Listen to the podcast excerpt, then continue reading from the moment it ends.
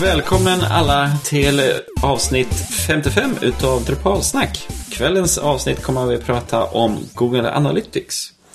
Kvällens avsnitt kommer även sponsras utav Kodamera, en webbyrå med inriktning på öppen källkod. Och ikväll så är det jag, Kristoffer Wiklund, som kommer att prata och Alfonso Aponte. Hallå, hallå! Hej Kristoffer, hej! Trevligt att ha dig på podcasten. Ja, det tycker jag med.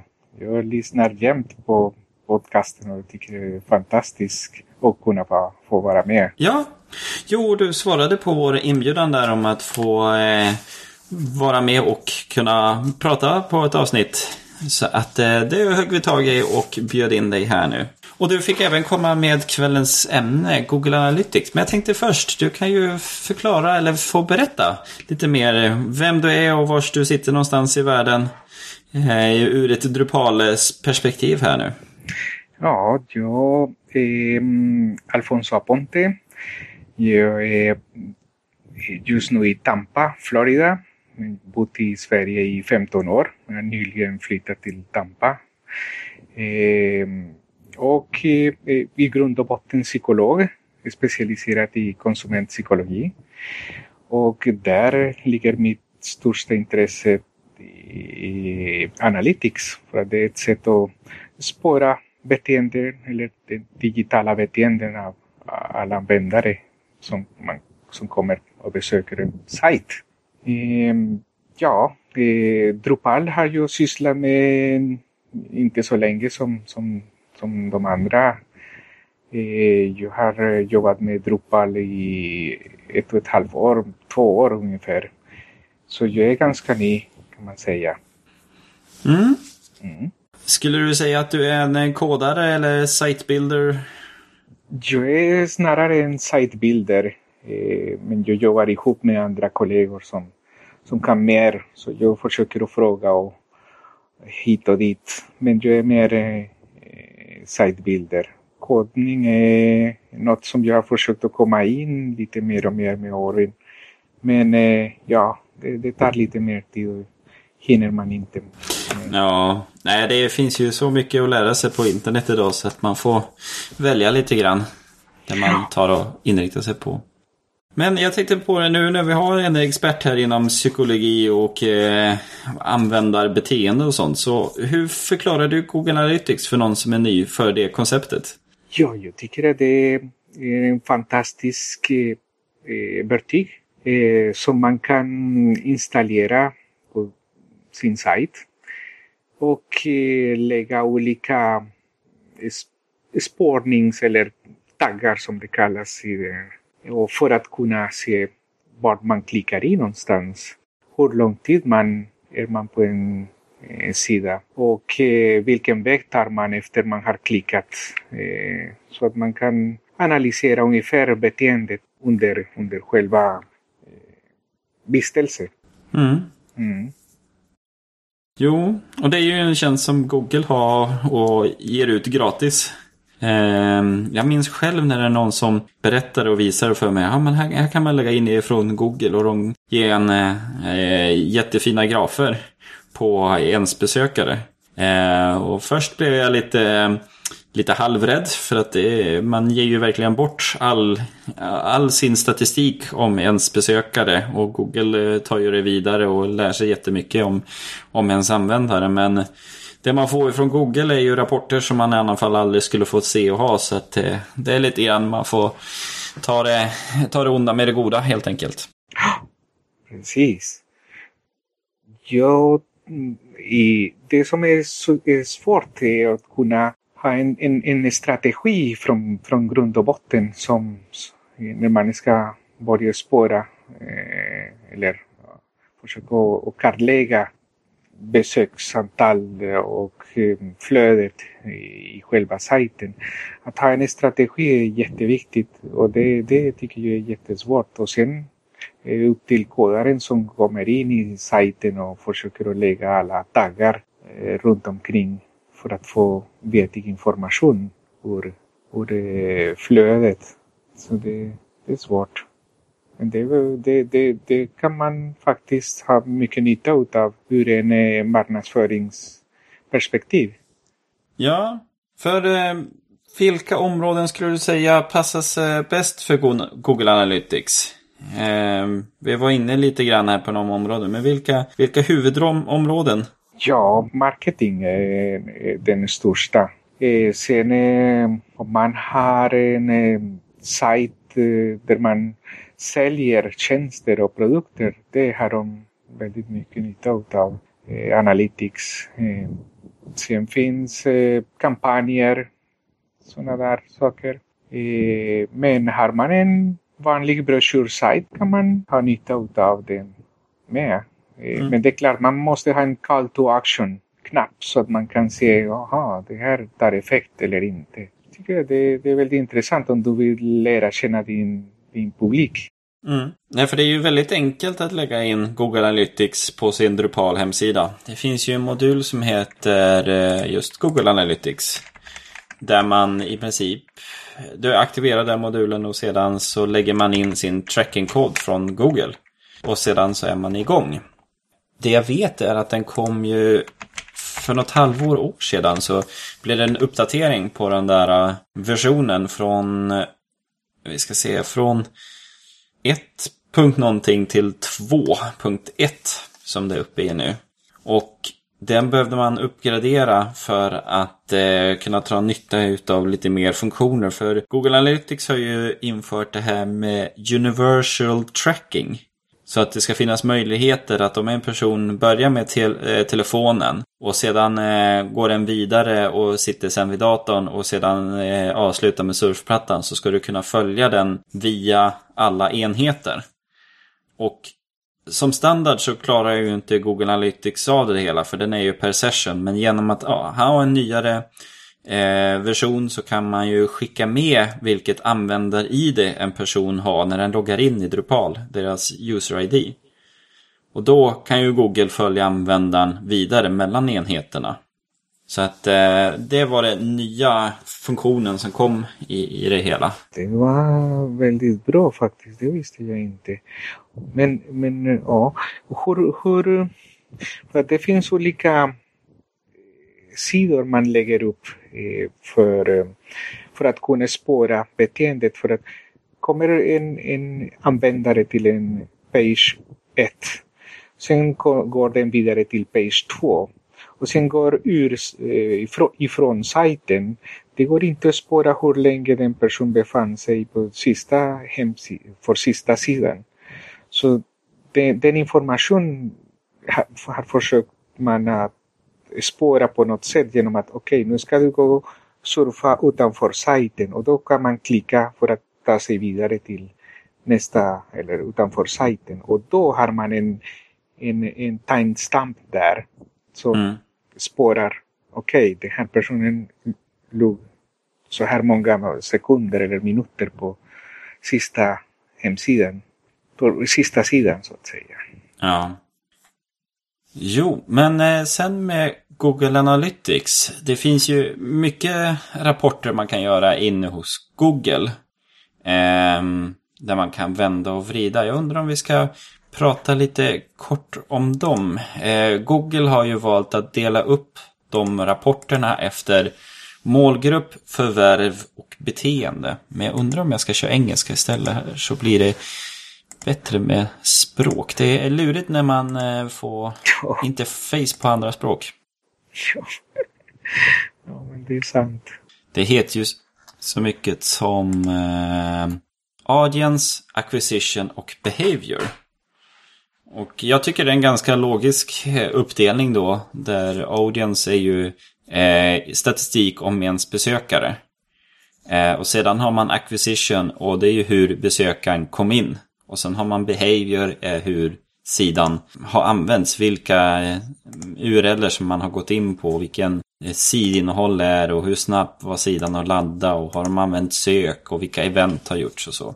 Men sen är det ju den här delen som jag själv personligen inte har jobbat så mycket med. Eh, men jag tror du har jobbat mer än det här med mål och conversation som den sista fjärde fliken är. Ja, just det, just det.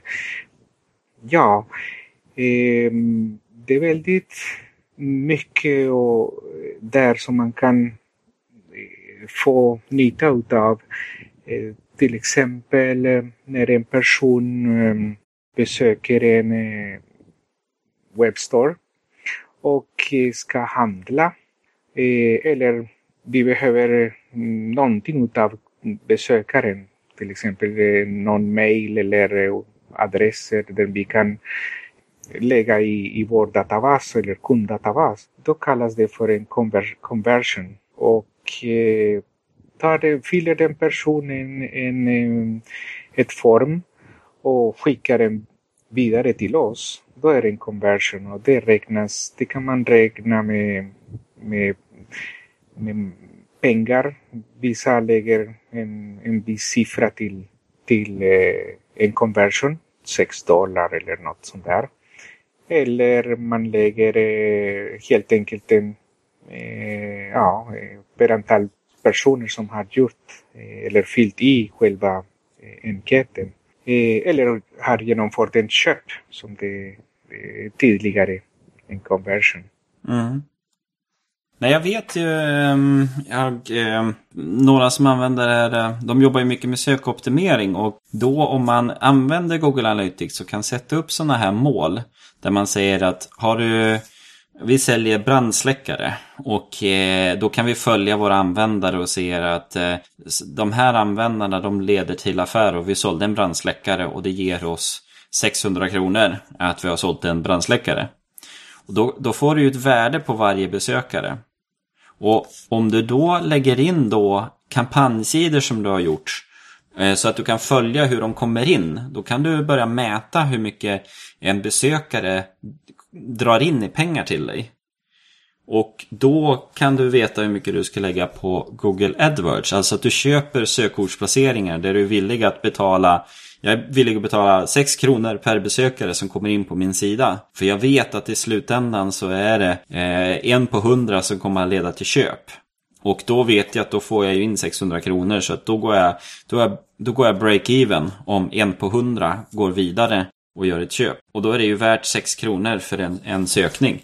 Och då spelar det ingen roll hur många som går in på min sida. Eh, för att så länge jag kan hålla koll på att conversation, eller heter det, eh, konverteringsgraden är en på hundra så kommer jag gå plus minus noll. Men sen kan man ju försöka optimera eh, och försöka få den högre och få det bättre. Men det är ett sätt att man sätter en prislapp då på varje besökare. Och det, jag tycker det är väldigt smart. Jag har inte ja. jobbat mycket med kunder med det hela. Det finns så mycket annat att göra ändå så. Men eh, det är ju framförallt när man jobbar med sökoptimering och kunna se värdet på ens besökare. Det är ju ett väldigt bra sätt. Det, det, det är väldigt intressant. Just det, det, det är inte samma sak som eh, remarketing eller något. Ja, det är inte samma. Nej. Eller vad är remarketing för något? Eh, remarketing, det handlar om att om någon användare har varit inne på din sajt och tittat på en brandsläckare men inte har gjort avslutat köpet. Då med remarketing så kan man säga till Google att visa vår annons för den här personen när han surfar på andra sidor. Så att då får jag se annonsen på det jag varit inne och tittat på så att jag till slut slutför eh, köpet. Mm -hmm. Dustin i Sverige använder det väldigt mycket. Så att har man varit inne på Dustin, eh, som jag, jag tittade på en, en skärm och en SSD-disk. Sen senare när jag surfar eh, klet upp pleti-sidor Eh, och det finns de här generella Google, Analyt eller Google eh, AdWords reklamdelarna. Nej, inte, inte AdWords, Google eh, Ads.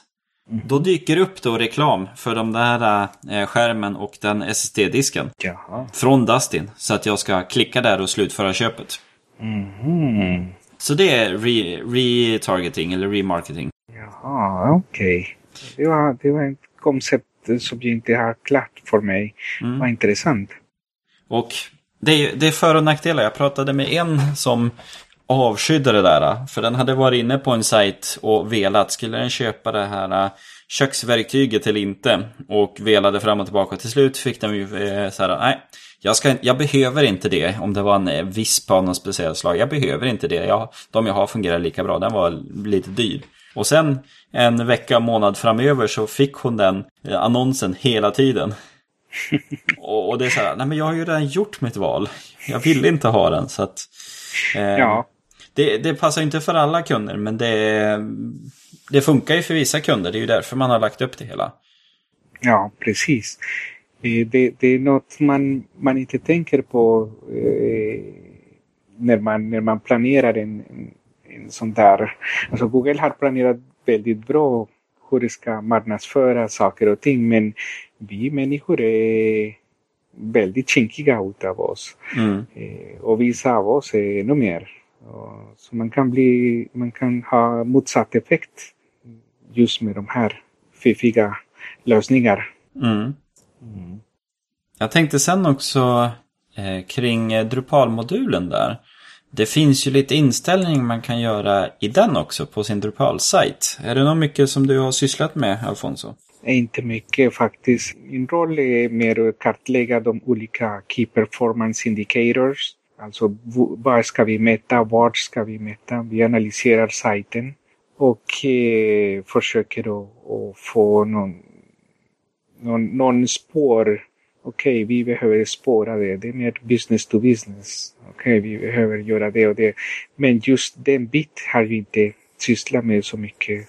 Mm. Ja, men det är väldigt intressant. Jag kan dra det lite kort så eh, kan vi komma tillbaka till de där eh, mätpunkterna och sånt. Men det man kan ställa in i sin modul det är just eh, om man har flera domäner i ett så kan man lägga in det och sen kan man lägga eh, att inte alla sidor ska ha Google Analytics eller att inte alla roller ska få det eller alla förutom någon eller så kan man lägga in om user tracking, ja det jag sa här att man kan följa en användare mellan device om det ska aktiverat eller inte. Och eh, det finns ju det finns lite olika privacy-inställningar man kan göra också. Eh, om man ska respektera do not track eller inte. Eh, och det har för mig det är på som standard.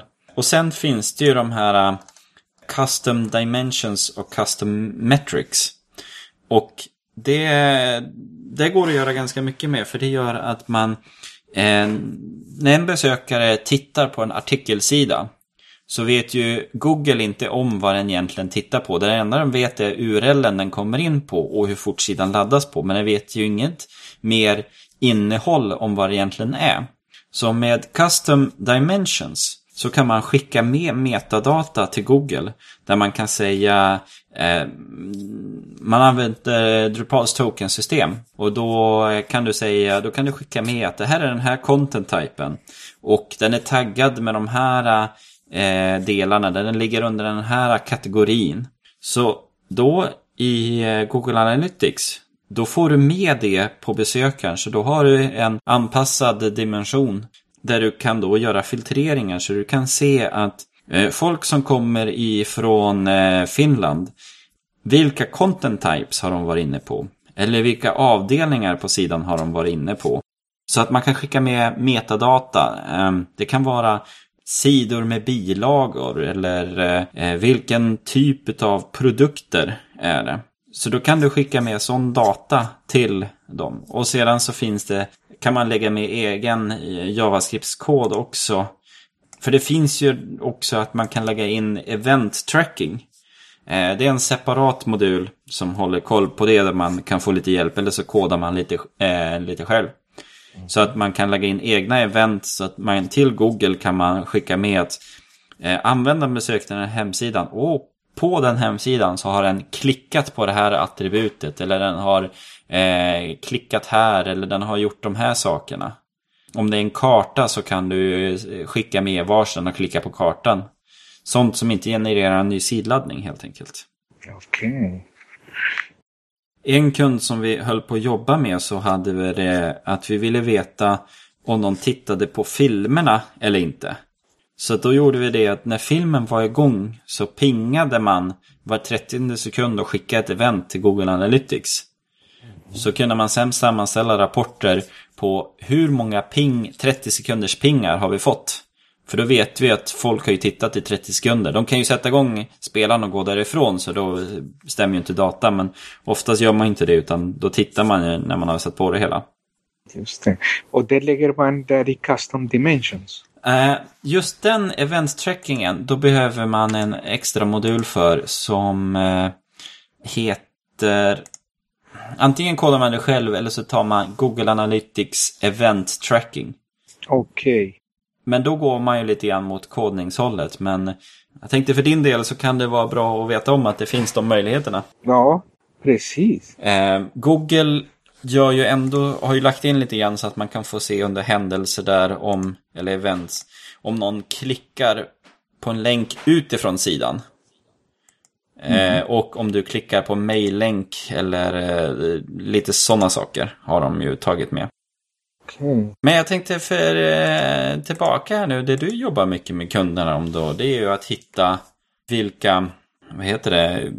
Key Performance Indicators, ja. KPI. Ja. Ja, precis.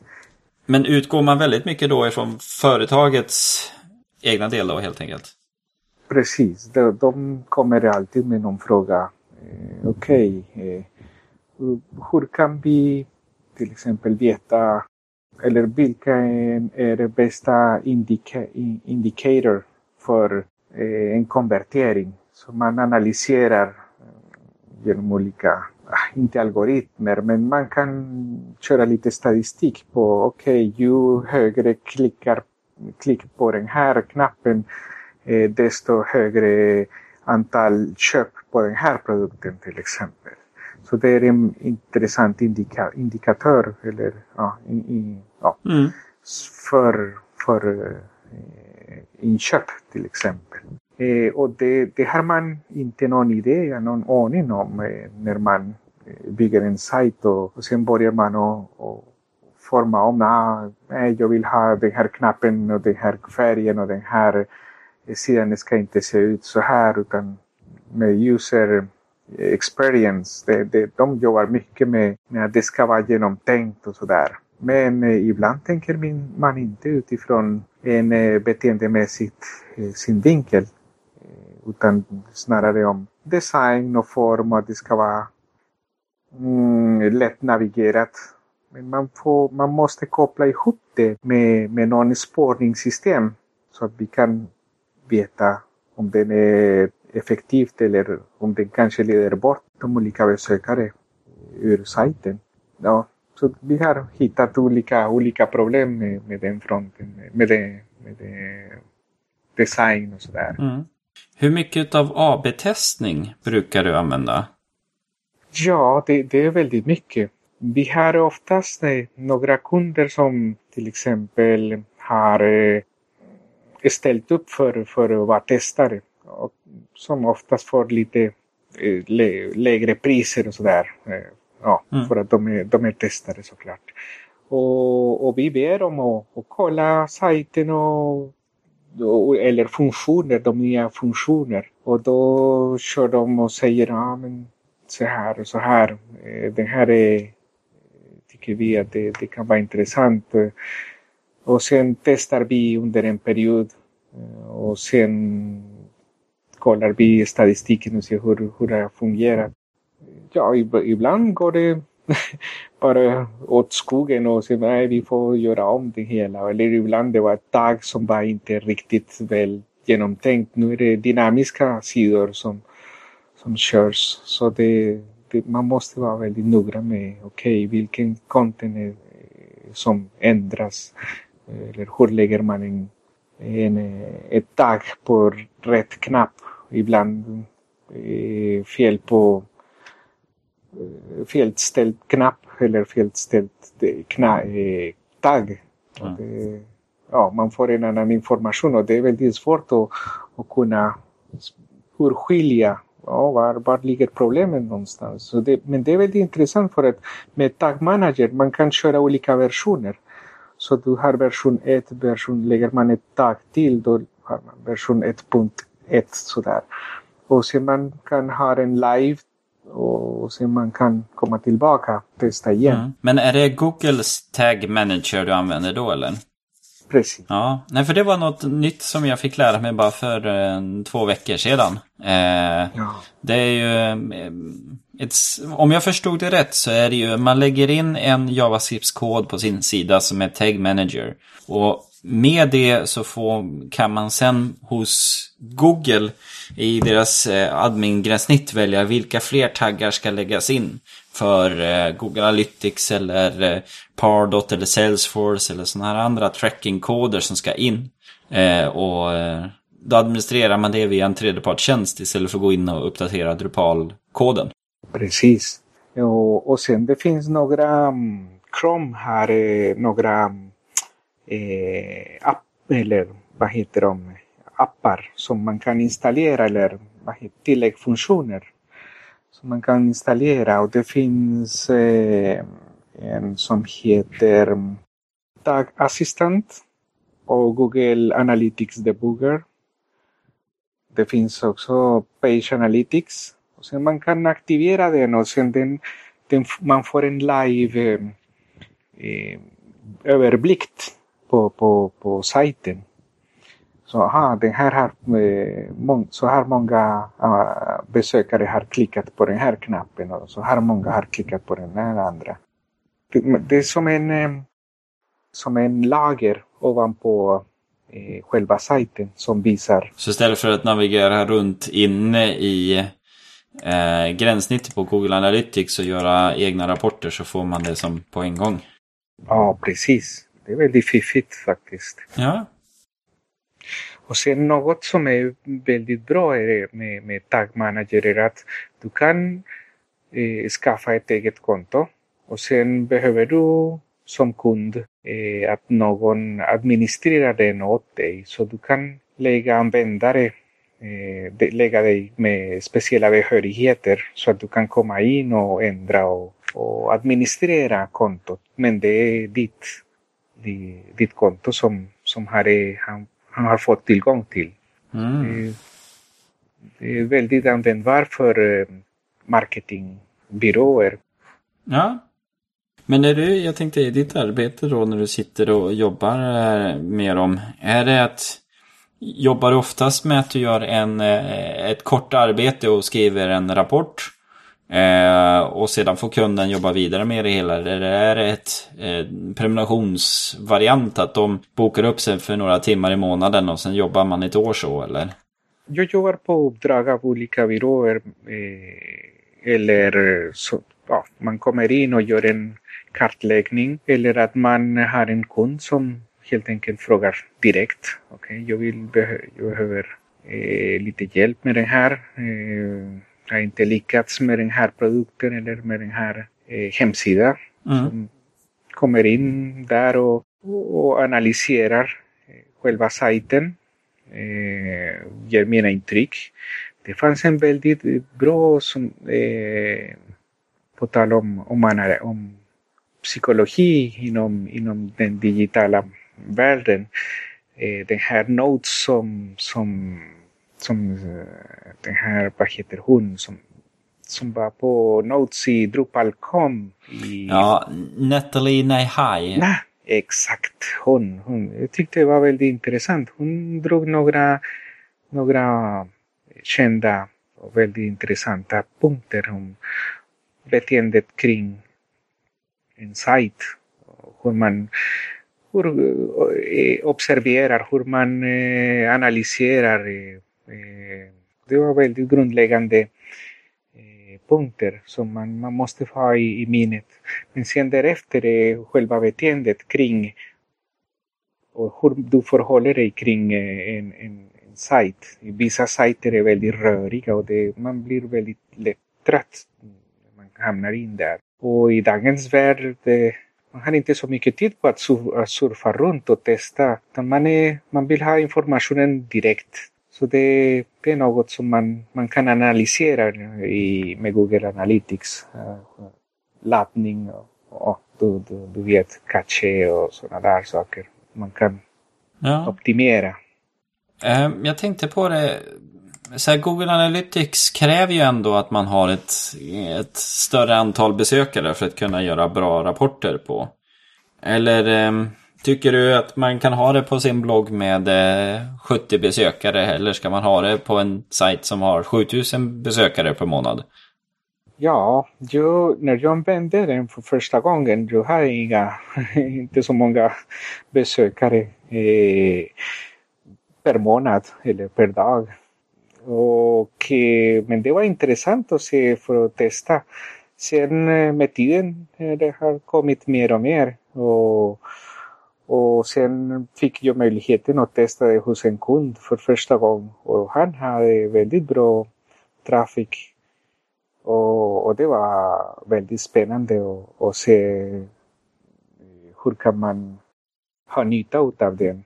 Så det, jag tycker att det, det är upp till varje individ eller eh, företag. Men på, en, på sitt lilla blogg, absolut kan man köra den.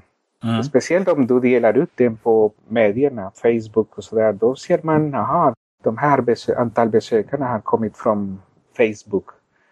Eller har kommit via Google Plus eller Twitter. Mm. Så det, det är alltid kul att se hur folk eller vilka som drar sig åt din sajt eller dina artiklar. Och kan du lite mer och lägga några taggar på okej, okay, klicka här så att du får läsa om den här också. Eller om du kan titta på videon här. Så du, du kan se hur, hur aha, det här ger bra resultat. Ibland får man väldigt intressanta feedback. Kolla, det var en bra artikel. Det här var mer populär än den här andra som du skrev till exempel. Mm. Det, det, det hjälper en att utvecklas och pitcha sina artiklar eller ja. Mm. Det tycker jag är väldigt utvecklande. Mm. Mm. Har du lyckats eh, få den här eh, extra eh, feature från Google Chrome? Vad heter det? Tag Assistant? Eh, ja, eller jag laddade ner, vad heter den här? Den heter bara eh, Page Analytics. Så då fick Jaha. man ju med, då, fick man, då kan man ju se vad folk har klickat på på varje sida om. Eh, och page views och hur unika de är och så. Så den var, ju, den var ju väldigt enkel för de som inte kan Google Analytics att gå och se där inne och se hur det ser ut där inne. Ja. Jag saknar just den funktion på, på Mozilla. Mm. Eh, skulle vilja ha någon liknande.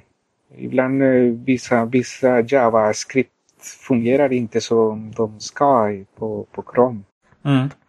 Jag tänkte på det där också inne i eh, Google Analytics. Hur mycket custom-rapporter gör du där inne? Ska vi se. Jag har, det finns olika sätt.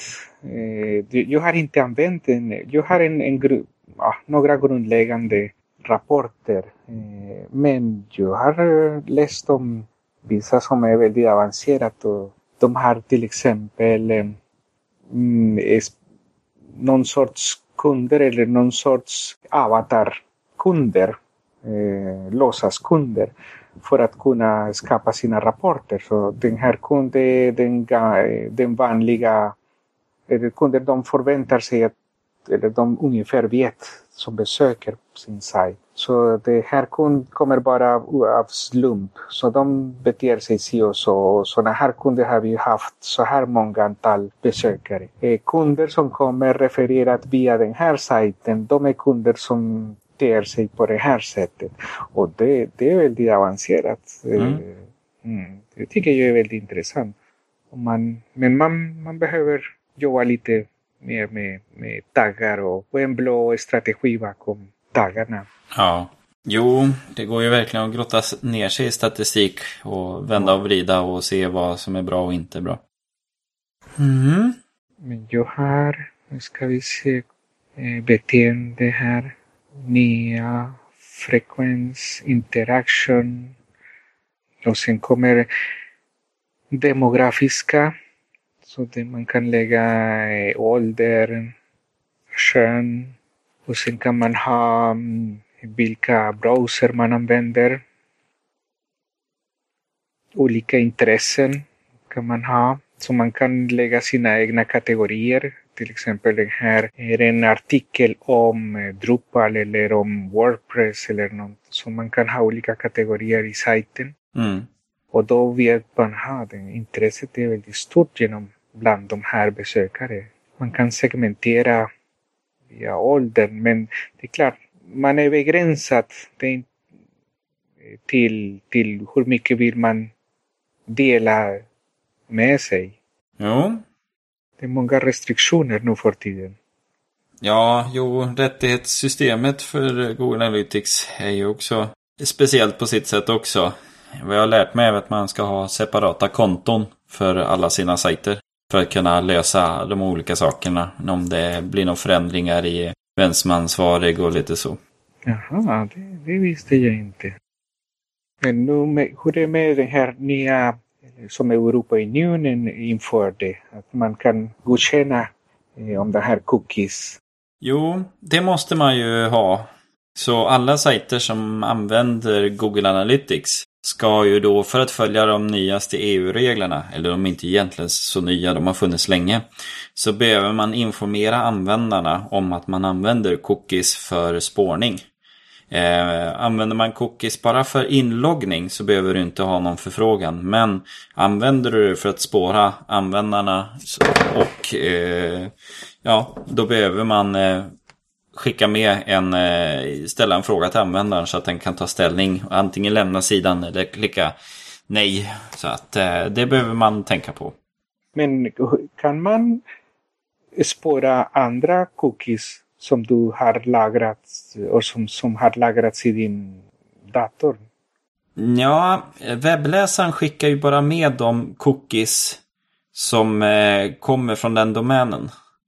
Eh, så att om jag har fått en cookie från drupalsnack.se så kommer min webbläsare skicka med den på alla sidor som jag besöker på drupalsnack.se. Men den kommer inte skicka den till andra sajter. Mm.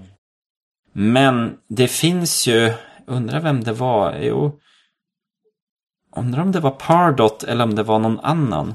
Som när du lägger in, om vi skulle lägga in en till tracking på vår sida.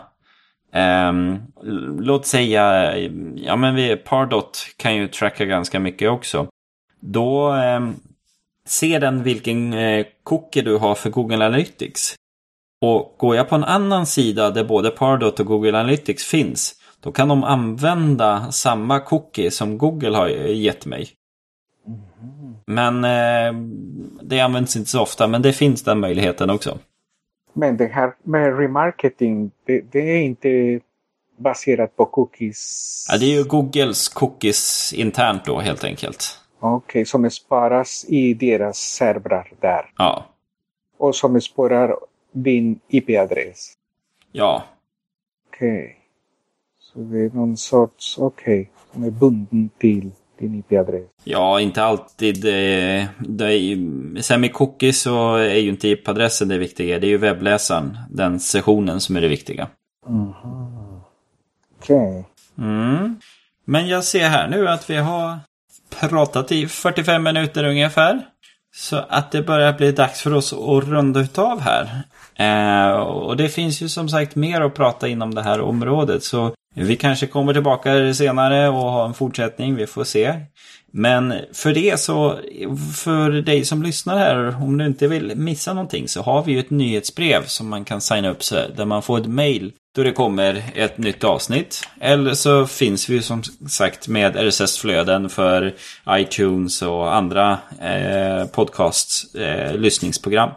Och sen finns vi på Twitter Eh, och med det så vill jag avsluta avsnittet med att säga att det här har sponsrats av Kodamera, en webbyrå med inriktning på öppen källkod. Och för er som inte stannar kvar på eftersnack så säger jag och Alfonso tack och godnatt. Tack, tack. Hej då.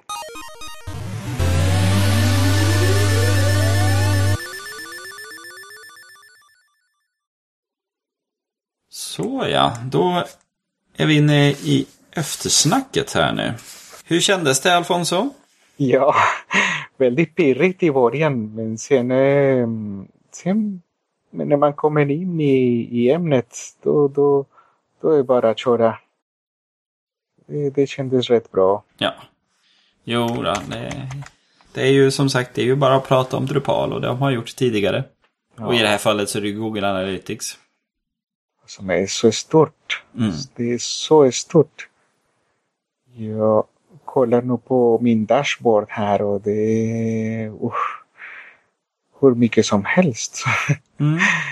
Men det är väldigt intressant. Det, det, det, finns keywords visits. Så beroende på vilka key, keywords jag har på sajten då spårar hur många som har sökt efter den här keyword och sen som har hamnat på min sajt. Mm. Väldigt intressant. Så det, det gäller att ta i det. Mm. Jo, nej det med att veta vad folk har sökt på och komma på den sajt, det var ju väldigt användbart. Eh, det var ju mer användbart förut när Google skickade med det. De har ju slutat skicka med den informationen just när man surfar från eh, Google har ju gått över med HTTPS på sina eh, söksidor. Och då skickar de inte med i reference-delen var du kommer ifrån. Så att eh, då står det bara någon, vad är det, det står, någon eh, defined eller något sånt om man går in på traffic som kommer från organic search. Aha. Men hur jobbar du mycket med sådana här eh, saker med dina kunder? Jag har inte så mycket tid. eh, ja, jag kan teorin och jag har gjort lite grann. Eh, men jag har inte haft tid och jobbat med det så mycket. Det är ju ändå lite grann att kunderna måste vilja satsa på det hela. Och ibland så vet de inte av det vad som finns och inte finns och då måste man sälja på dem det hela och när man har fullt med allt annat så då, då är man inte så proaktiv i sitt säljarbete. Nej, precis. Men eh, det, ja, det, det, det upptäcker man senare. Att man behöver en, en förstärkning någonstans. Okej, okay, då kan man anlita en, en sån här tjänst. Mm. Men det är oftast eh, marknads, eh, marknadsbyrån som, som, som tar över den här delen. Det är lustigt men det, det är ganska självklart. Det är de som kan marknaden. Ja. Ja. Och det är ju det är ju de också som kan räkna på det på ett helt annat sätt. För eh, det är svårt för mig att gå in till en, ny, eh, så här, en nyhetssajt som vi har som kund och säga det att ja, men nu ska vi lägga 20-40 timmar och jobba med er hemsida och mm, kolla så att vi gör olika rapporter. Eh, nog kan jag ta fram olika marknadsrapporter men det är ju en helt annat läge när du har en marknads... Någon som är inriktad bara på försäljning. Som får som lär sig hur de här verktygen fungerar. Det är en helt annan sak där för en sån att kunna komma in och säga det att jag, jag ska hjälpa er att öka försäljningen och då lägger vi tid och kraft på det här för det är det som är viktigt. Mm. För ur mitt synpunkt så är ju, jag är ju, tycker det är bara kul att vända och vrida på statistik och den tekniska biten. Ja. Men eh, jag har ju lite fokus på den marknadsmässiga eh, delen som man vill ha. Och hur är det med SEO-optimering? Eh, ja, som sagt, jag kan eh, det tekniska, jag har gjort det på vissa sidor. Eh, men just nu så har jag inte riktigt den tiden att lägga ner det hela. Men... Nej. Mm. Men då är oftast är det kunden som kommer till dig med texterna och, och det och sådär. Ja, de kunderna vi jobbar med är ju så pass Många är ju sådana sajter så att man har ju egna redaktörer som skriver in text löpande. Jaha, okej. Okay. Något kund vi har, de har till och med en byrå de anlitar för att skriva texterna till sig. Mm -hmm. Så det finns ju också. Eh, de som inte har egen personal att skriva nyheter och så, utan då lejer man in en byrå som ska skriva. Mm. Okej, okay. men då lägger du dem som en, en, en eh, användare på sajten. Så, och de kan komma in och, eh, skapa egna contents eller? Det är ju lite olika för olika kund, eh, kunder. Men eh, eh, vissa av de stora sajterna så är ju det. Då är de ju egna användare i systemet som är redaktörer. Eh, av olika nivåer utav rättigheter.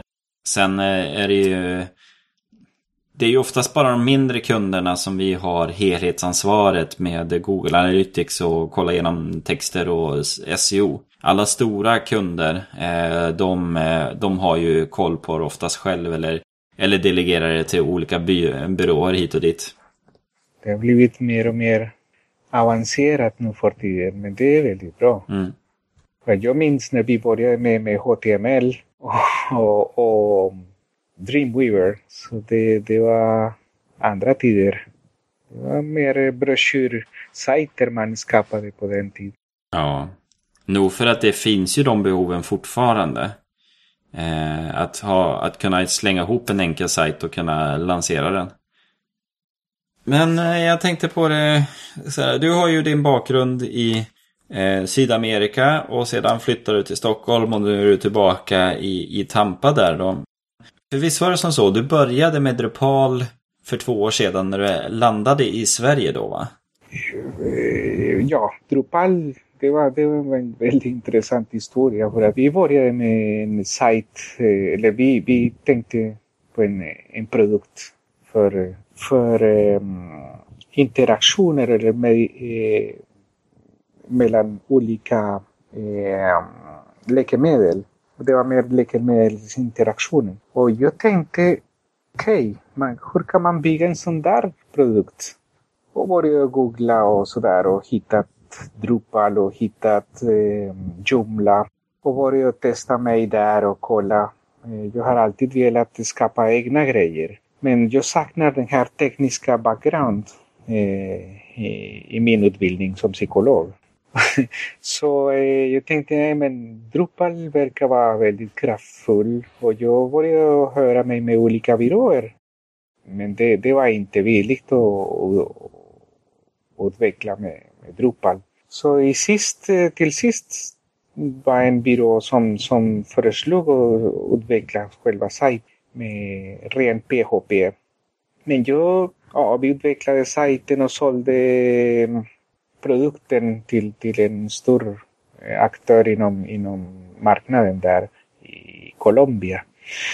Och därefter tyckte vi, nej men eh, jag var ändå hade massa andra idéer och tänkte eh, Drupal. Och jag tänkte nej, jag ska lära mig hur man gör, jobbar med Drupal och började med installera Drupal 7. Jag började med Drupal 7. Testa moduler, testa eh, olika funktioner och, och upptäckte hur kraftfull det var. Sen tänkte jag jag måste lära känna folk som jobbar med, med open source. Jag har inte ens någon aning om eh, open source communityn och inte minst Drupal. Så jag var med på en eh, Drupal camp i Stockholm för det var förra året.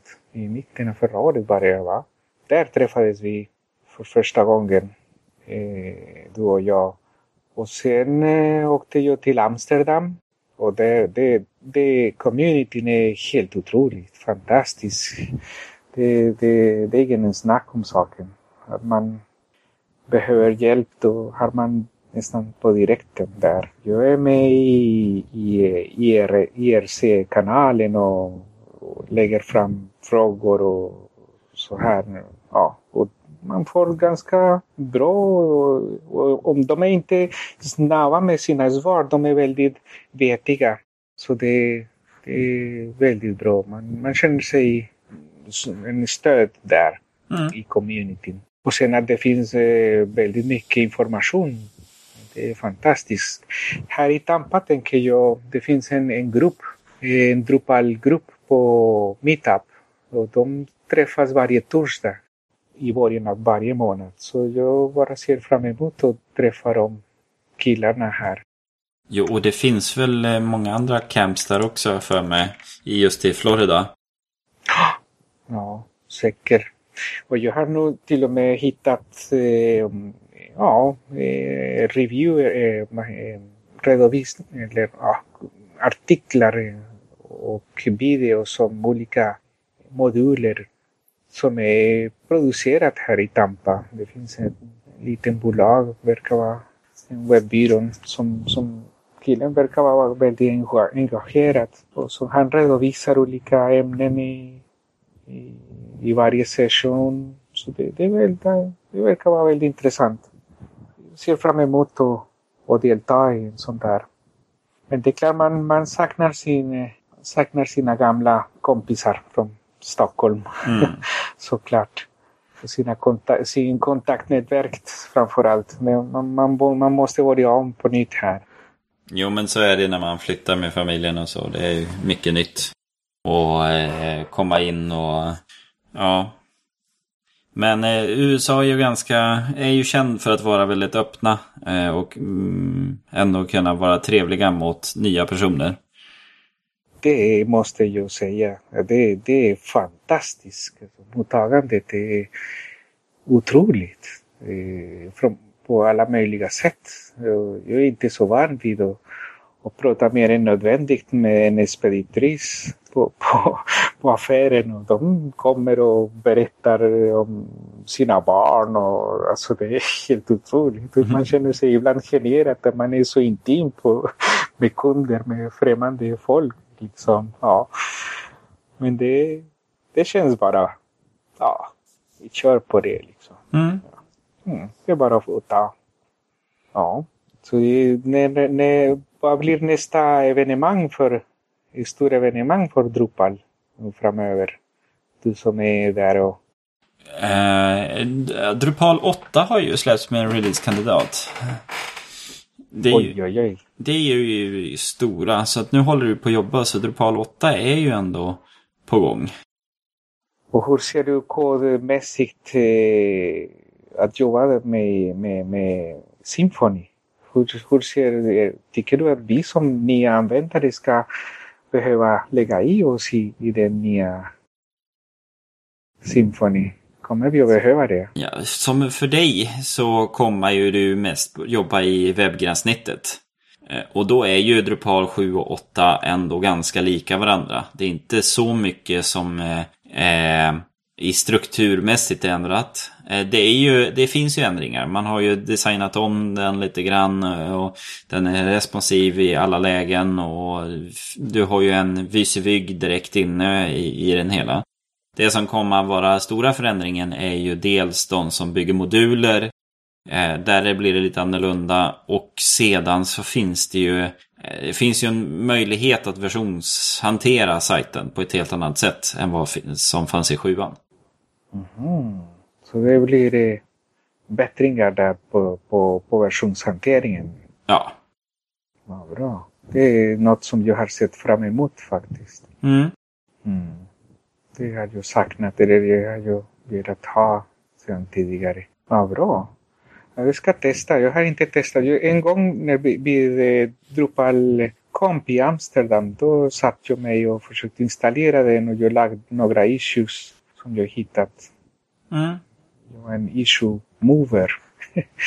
Men det, det var väldigt kul att, att delta i communityn. Och... Nej, sånt är ju ändå väldigt viktigt.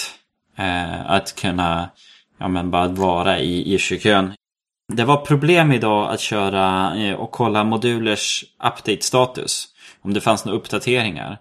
Eh, så då höll jag på att kolla lite grann och sen hittade jag Jag hittade två issues som diskuterade hela. Och min uppgift det var ju bara att länka ihop dem och säga att de här två är väldigt lika varandra. Det är typ samma problem. Och sen var det någon annan som då tog och stängde den ena för att den var som felklassificerad. Det var som en Drupal core-bugg var den rapporterad men det var ju egentligen en Drupal org infrastructure bugg. Alltså servrarna som var lite fel. Så att, men då är det det att, att bara vara där och, och se att jo, men här har jag sett att det finns två stycken nyheter. De där länkar vi ihop och säger att de är, är liknande. Så är det ändå väldigt viktigt. Då kan man ju som sprida informationen på ett helt annat sätt. Istället för att ja. det är någon som har rapporterat en issue och ingen gör någonting. Medan alla andra som googlar hittar den andra och inte ens egna eh, problem. Jaha. Wow. Så att, äh, nej men... Äh... Nej men det är, det är jätteviktigt ja. Och, och Drupal Asia. Ja. Drupalcom, det, det verkar Mumbai är det det ska vara. Mm. Är det något du, du har tänkt dig för? Nej, jag har nog inte tänkt åka dit. Eh, men det är jättekul att det är och det är, det är kul att se vad som kommer utifrån det hela. Eh, men jag tror vi, vi kommer nog satsa mest bara i Europa. Eh, men vi får väl se. Ja. ja. Men om det finns något här eh, som du vill, ni vill vara med, då, då vet ni att här finns en entusiast. Ja. Som, som, här, som kan offra en del av sin tid för att vara med trevliga människor. Ja, jo men ja. Kommer, man vet ju aldrig vars eh, de tar vägen sen med DrupalCon i USA. De kanske kommer nära dig så då har man ju husrum då. Ja men visst, visst, visst är det det. men nu närmast är det väl Los Angeles de är i? Ja, då är det andra sidan. Ja, då är det långt bort. Ja, jag får se. Jag, jag är lite sådär halvosäker just med eh, USA. Jag tycker inte riktigt om deras pass. Eh, och tulldelen när det ska vara fingertryck och man blir... Eh, man vet inte alls vad de håller koll på en. Ja, det är sant. Det är som eh, Big Brother. Ja. Ja, ja precis. Mm, Man känner sig spårat överallt. Ja. Jag, de, jag försökte ta en försäkring för min bil och de erbjöd mig lägre pris om jag tillät dem att, att ha en, en, en spårningssystem, GPS-liknande, Ja. eller som är kopplad med GPSen för att spåra mina vanor, mina eh, ja, körningsbanor. Mm. Jag sa nej, nej, nej. Jag är tillräckligt spårat av Google och, Ja. och så nej. Jag vill inte dela ut med mina vardagliga trips till affärerna här. Nej. Nej. Nej, det var ju som här nu. Vi fick skaffa nya pass i somras när vi skulle åka till Barcelona. Och jag är svenska pass då. Och förr så var det ju bara, man tog foto och sedan så var det en plastbit. Men nu så sparas det ju även in ens fingeravtryck i passet. Så att man kan ta snabbkassan eller vad man ska säga när man går igenom tull och eh, passkontroll. Så kan du bara, då be, kan du stå vid en automat och då lägger du dit passet. Eh, och sen med fingeravtryck. Eh, och då när vi frågade Polismyndigheten där i Sverige om det hela. Att ja, ja, nej, men nu har ju ni mitt fingeravtryck och kan slå det då för alla mina brott jag har gjort. Skämta lite grann. Eh, så svarar hon faktiskt att nej. Det, det de tar in på passmyndigheten i fingeravtryck och fotot. Det lagras bara digitalt i passet. Det, det dras inte in i någon annan databas. Jaha. I alla fall fingeravtrycken. Men bilden kanske tas vidare. Men fingeravtrycken sparas bara i passet. Så att polisen kan inte ta det därifrån. Jaha. Så det, det kändes väldigt bra. Så att då, då kunde Ja. jag vara lite mer lugn. Ja, men visst. Med lite respekt har man i alla fall Mm. för, för individen. Nej, för mig, jag, jag är, mina fingeravtryck finns sedan jag föddes i Colombia. Mm. Och sen eh, här såklart. Det, det, ja, men det är vanligt. Eh, jag var lite, lite förvånad över att det, det togs inte i Sverige Mm. när, vi, när vi kom. Det, det tycker jag är väldigt bra faktiskt. Men ja, det är så många skurkar där runt omkring eh, i världen som man vet Ja. inte om det är något som man ska kanske införa. Men för oss vanliga dödliga, det känns onödigt Mm. behöva lägga ut sig. Ja. Mm. Det var väl något företag i USA eller om det var en myndighet som just hade fingeravtrycksdatabas som fick den hackad. Så, så det var ju ett, eh, det var ett hundratusentals som fick sina fingeravtryck eh, spridda på nätet. Oj, oj, oj. Och det där är ju jättekänsligt för du kan ju inte ändra dina fingeravtryck. Har du kommit ut så har du kommit ut. Ja. Oj, oj, oj, det är allvarligt. Ja, men det är så. Det är, det är risken för så mycket kontroll. Ja. Mm. Jag minns inte vilket företag det var då. Men det var... Eh, jag jag för mig det var i USA. Men jag, det är på tal om, om kontroller och sådana där saker. Just, vi skulle, vi, få, vi fick ett nytt eh, skuldbrev eh, hemskickat i, till vårt hus i Sverige. Och eh, jag skulle, vi ville lä- lämna en fullmakt till min dotter. Mm. Men man kan inte eh, signera fullmakter i, i, i USA eh, som till en svensk bank som inte är aktiv i USA. Så man, man fick...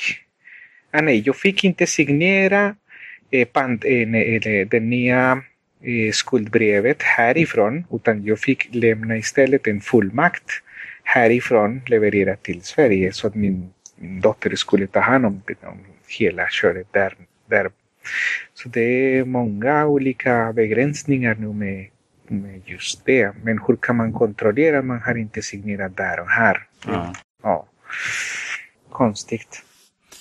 Där läste jag nu bara idag eh, att eh, Estland eh, tillåter nu eh, digitala eh, identiteter. Så att du kan som eh, e-legitimation fast i Estland. Och det där tillåter de även för användare eller för personer som inte bor i Estland. Så vem som helst kan skaffa sig en digital identitet i Estland. Jaha. Så att de siktar på att eh, de ska ha 10 miljoner digitala identiteter på en mm, befolkning som är 1,7 miljoner. Helt otroligt. Ja. Vad kan vara bakom tanken? Ja men det är ju för att eh, om du har dem som, om du har ett internationellt företag och de är, har ett lokalt kontor då kanske man vill att chefen som är stationerad utomlands ändå ska kunna just signera skuldpapper eller sådana här saker. Och då får du registrera dig och sedan så finns det ju då som en... Du är ju du är inte en medborgare men du finns ju med i deras persondatabas. Så att du kan göra sådana här saker då. Vad intressant. Ja. Ja, väldigt intressant faktiskt. För det, det, det är en eh, hinder, förhinder vi har, vi som eh, bor utanför landet. Att varför kan man inte signera digitalt när det finns tekniken bakom det? Vi jobbade med en, en period med, med Nexus, eh, det här digital, de som är bakom ID-handlingar i Sverige. Och, och jag tycker det är väldigt intressant att jag kan till exempel betala räkningarna härifrån och eh, legitimera mig via mobilappen. Mm. Men, eh, men den här som jag berättat nyss, eh, då måste de ringa mig och sen jag måste legitimera mig med, med själva Digipass. Mm. Men, eh, ja, ibland, men det är klart, det, det, det är ändå en framsteg, ett framsteg. I, I de här eh, amerikanska banker, nu har vi öppnat ett konto här och de tycker jag har en ganska svagt eh, säkerhet på sin på sina ja, eh, värdepapper, eller nej inte värdepapper utan sajter. Mm. Att de kan, eh, du kan, du lägger en fråga, den här hemliga frågan, du vet. Ja, vilken var din första lärare eller din första husdjur och sådär. Och sen första gången du loggar in, då lägger de, eller frågar dig någon av dina hemliga frågor som du har lagt tidigare i deras sajter. Och sen är bara frid och fröjd. Gå in och, och betala och sådär. Ja. Men jag tycker att det, nej, det, det, det känns osäkert. ja. Man kan, Ja, de har ju stora problem med det i USA men det är för att de inte har De har inte kommit så långt i utvecklingen vad man behöver ha utav säkerhet. mm, det ser, det, det är märkligt. Man tror inte det är så. I, en, I ett land som eh, strävar efter högsta säkerhet i världen. ja. Men vi, vi ligger ganska långt ifrån. Mm. Ja, ja, jag eh, skickade dig länken här nu. Det var eh, OMP, OPM som den myndigheten heter i USA. Eh, Office of Personal Management. Och det var 5,6 miljoner fingeravtryck stals i hackerattacken i våras. Och vissa sajter eh, hävdar att det är USA-källa på... Eller säga det är Kina-källa på de som hackar det hela. Ja. ja de har en lång historia nu med varandra att göra med, med de här attacker, cyberattacker. Mm. Oj, oj, oj. OPM, Kina förhandlar om Så att, ja. skamligt. Mm. Men det var det. Vi får fortsätta bygga säkra sidor för vår del här nu då, så att vi inte råkar ut för sånt där. Då. Ja, det gör ni bäst. ja, tusen tack Kristoffer. Ja, jag tänkte vi rundar ut av kvällens avsnitt här och säger tack till våra lyssnare som fanns med oss här i eftersnacket. Och till alla er så säger vi på återhörande. Hej då! Hej då!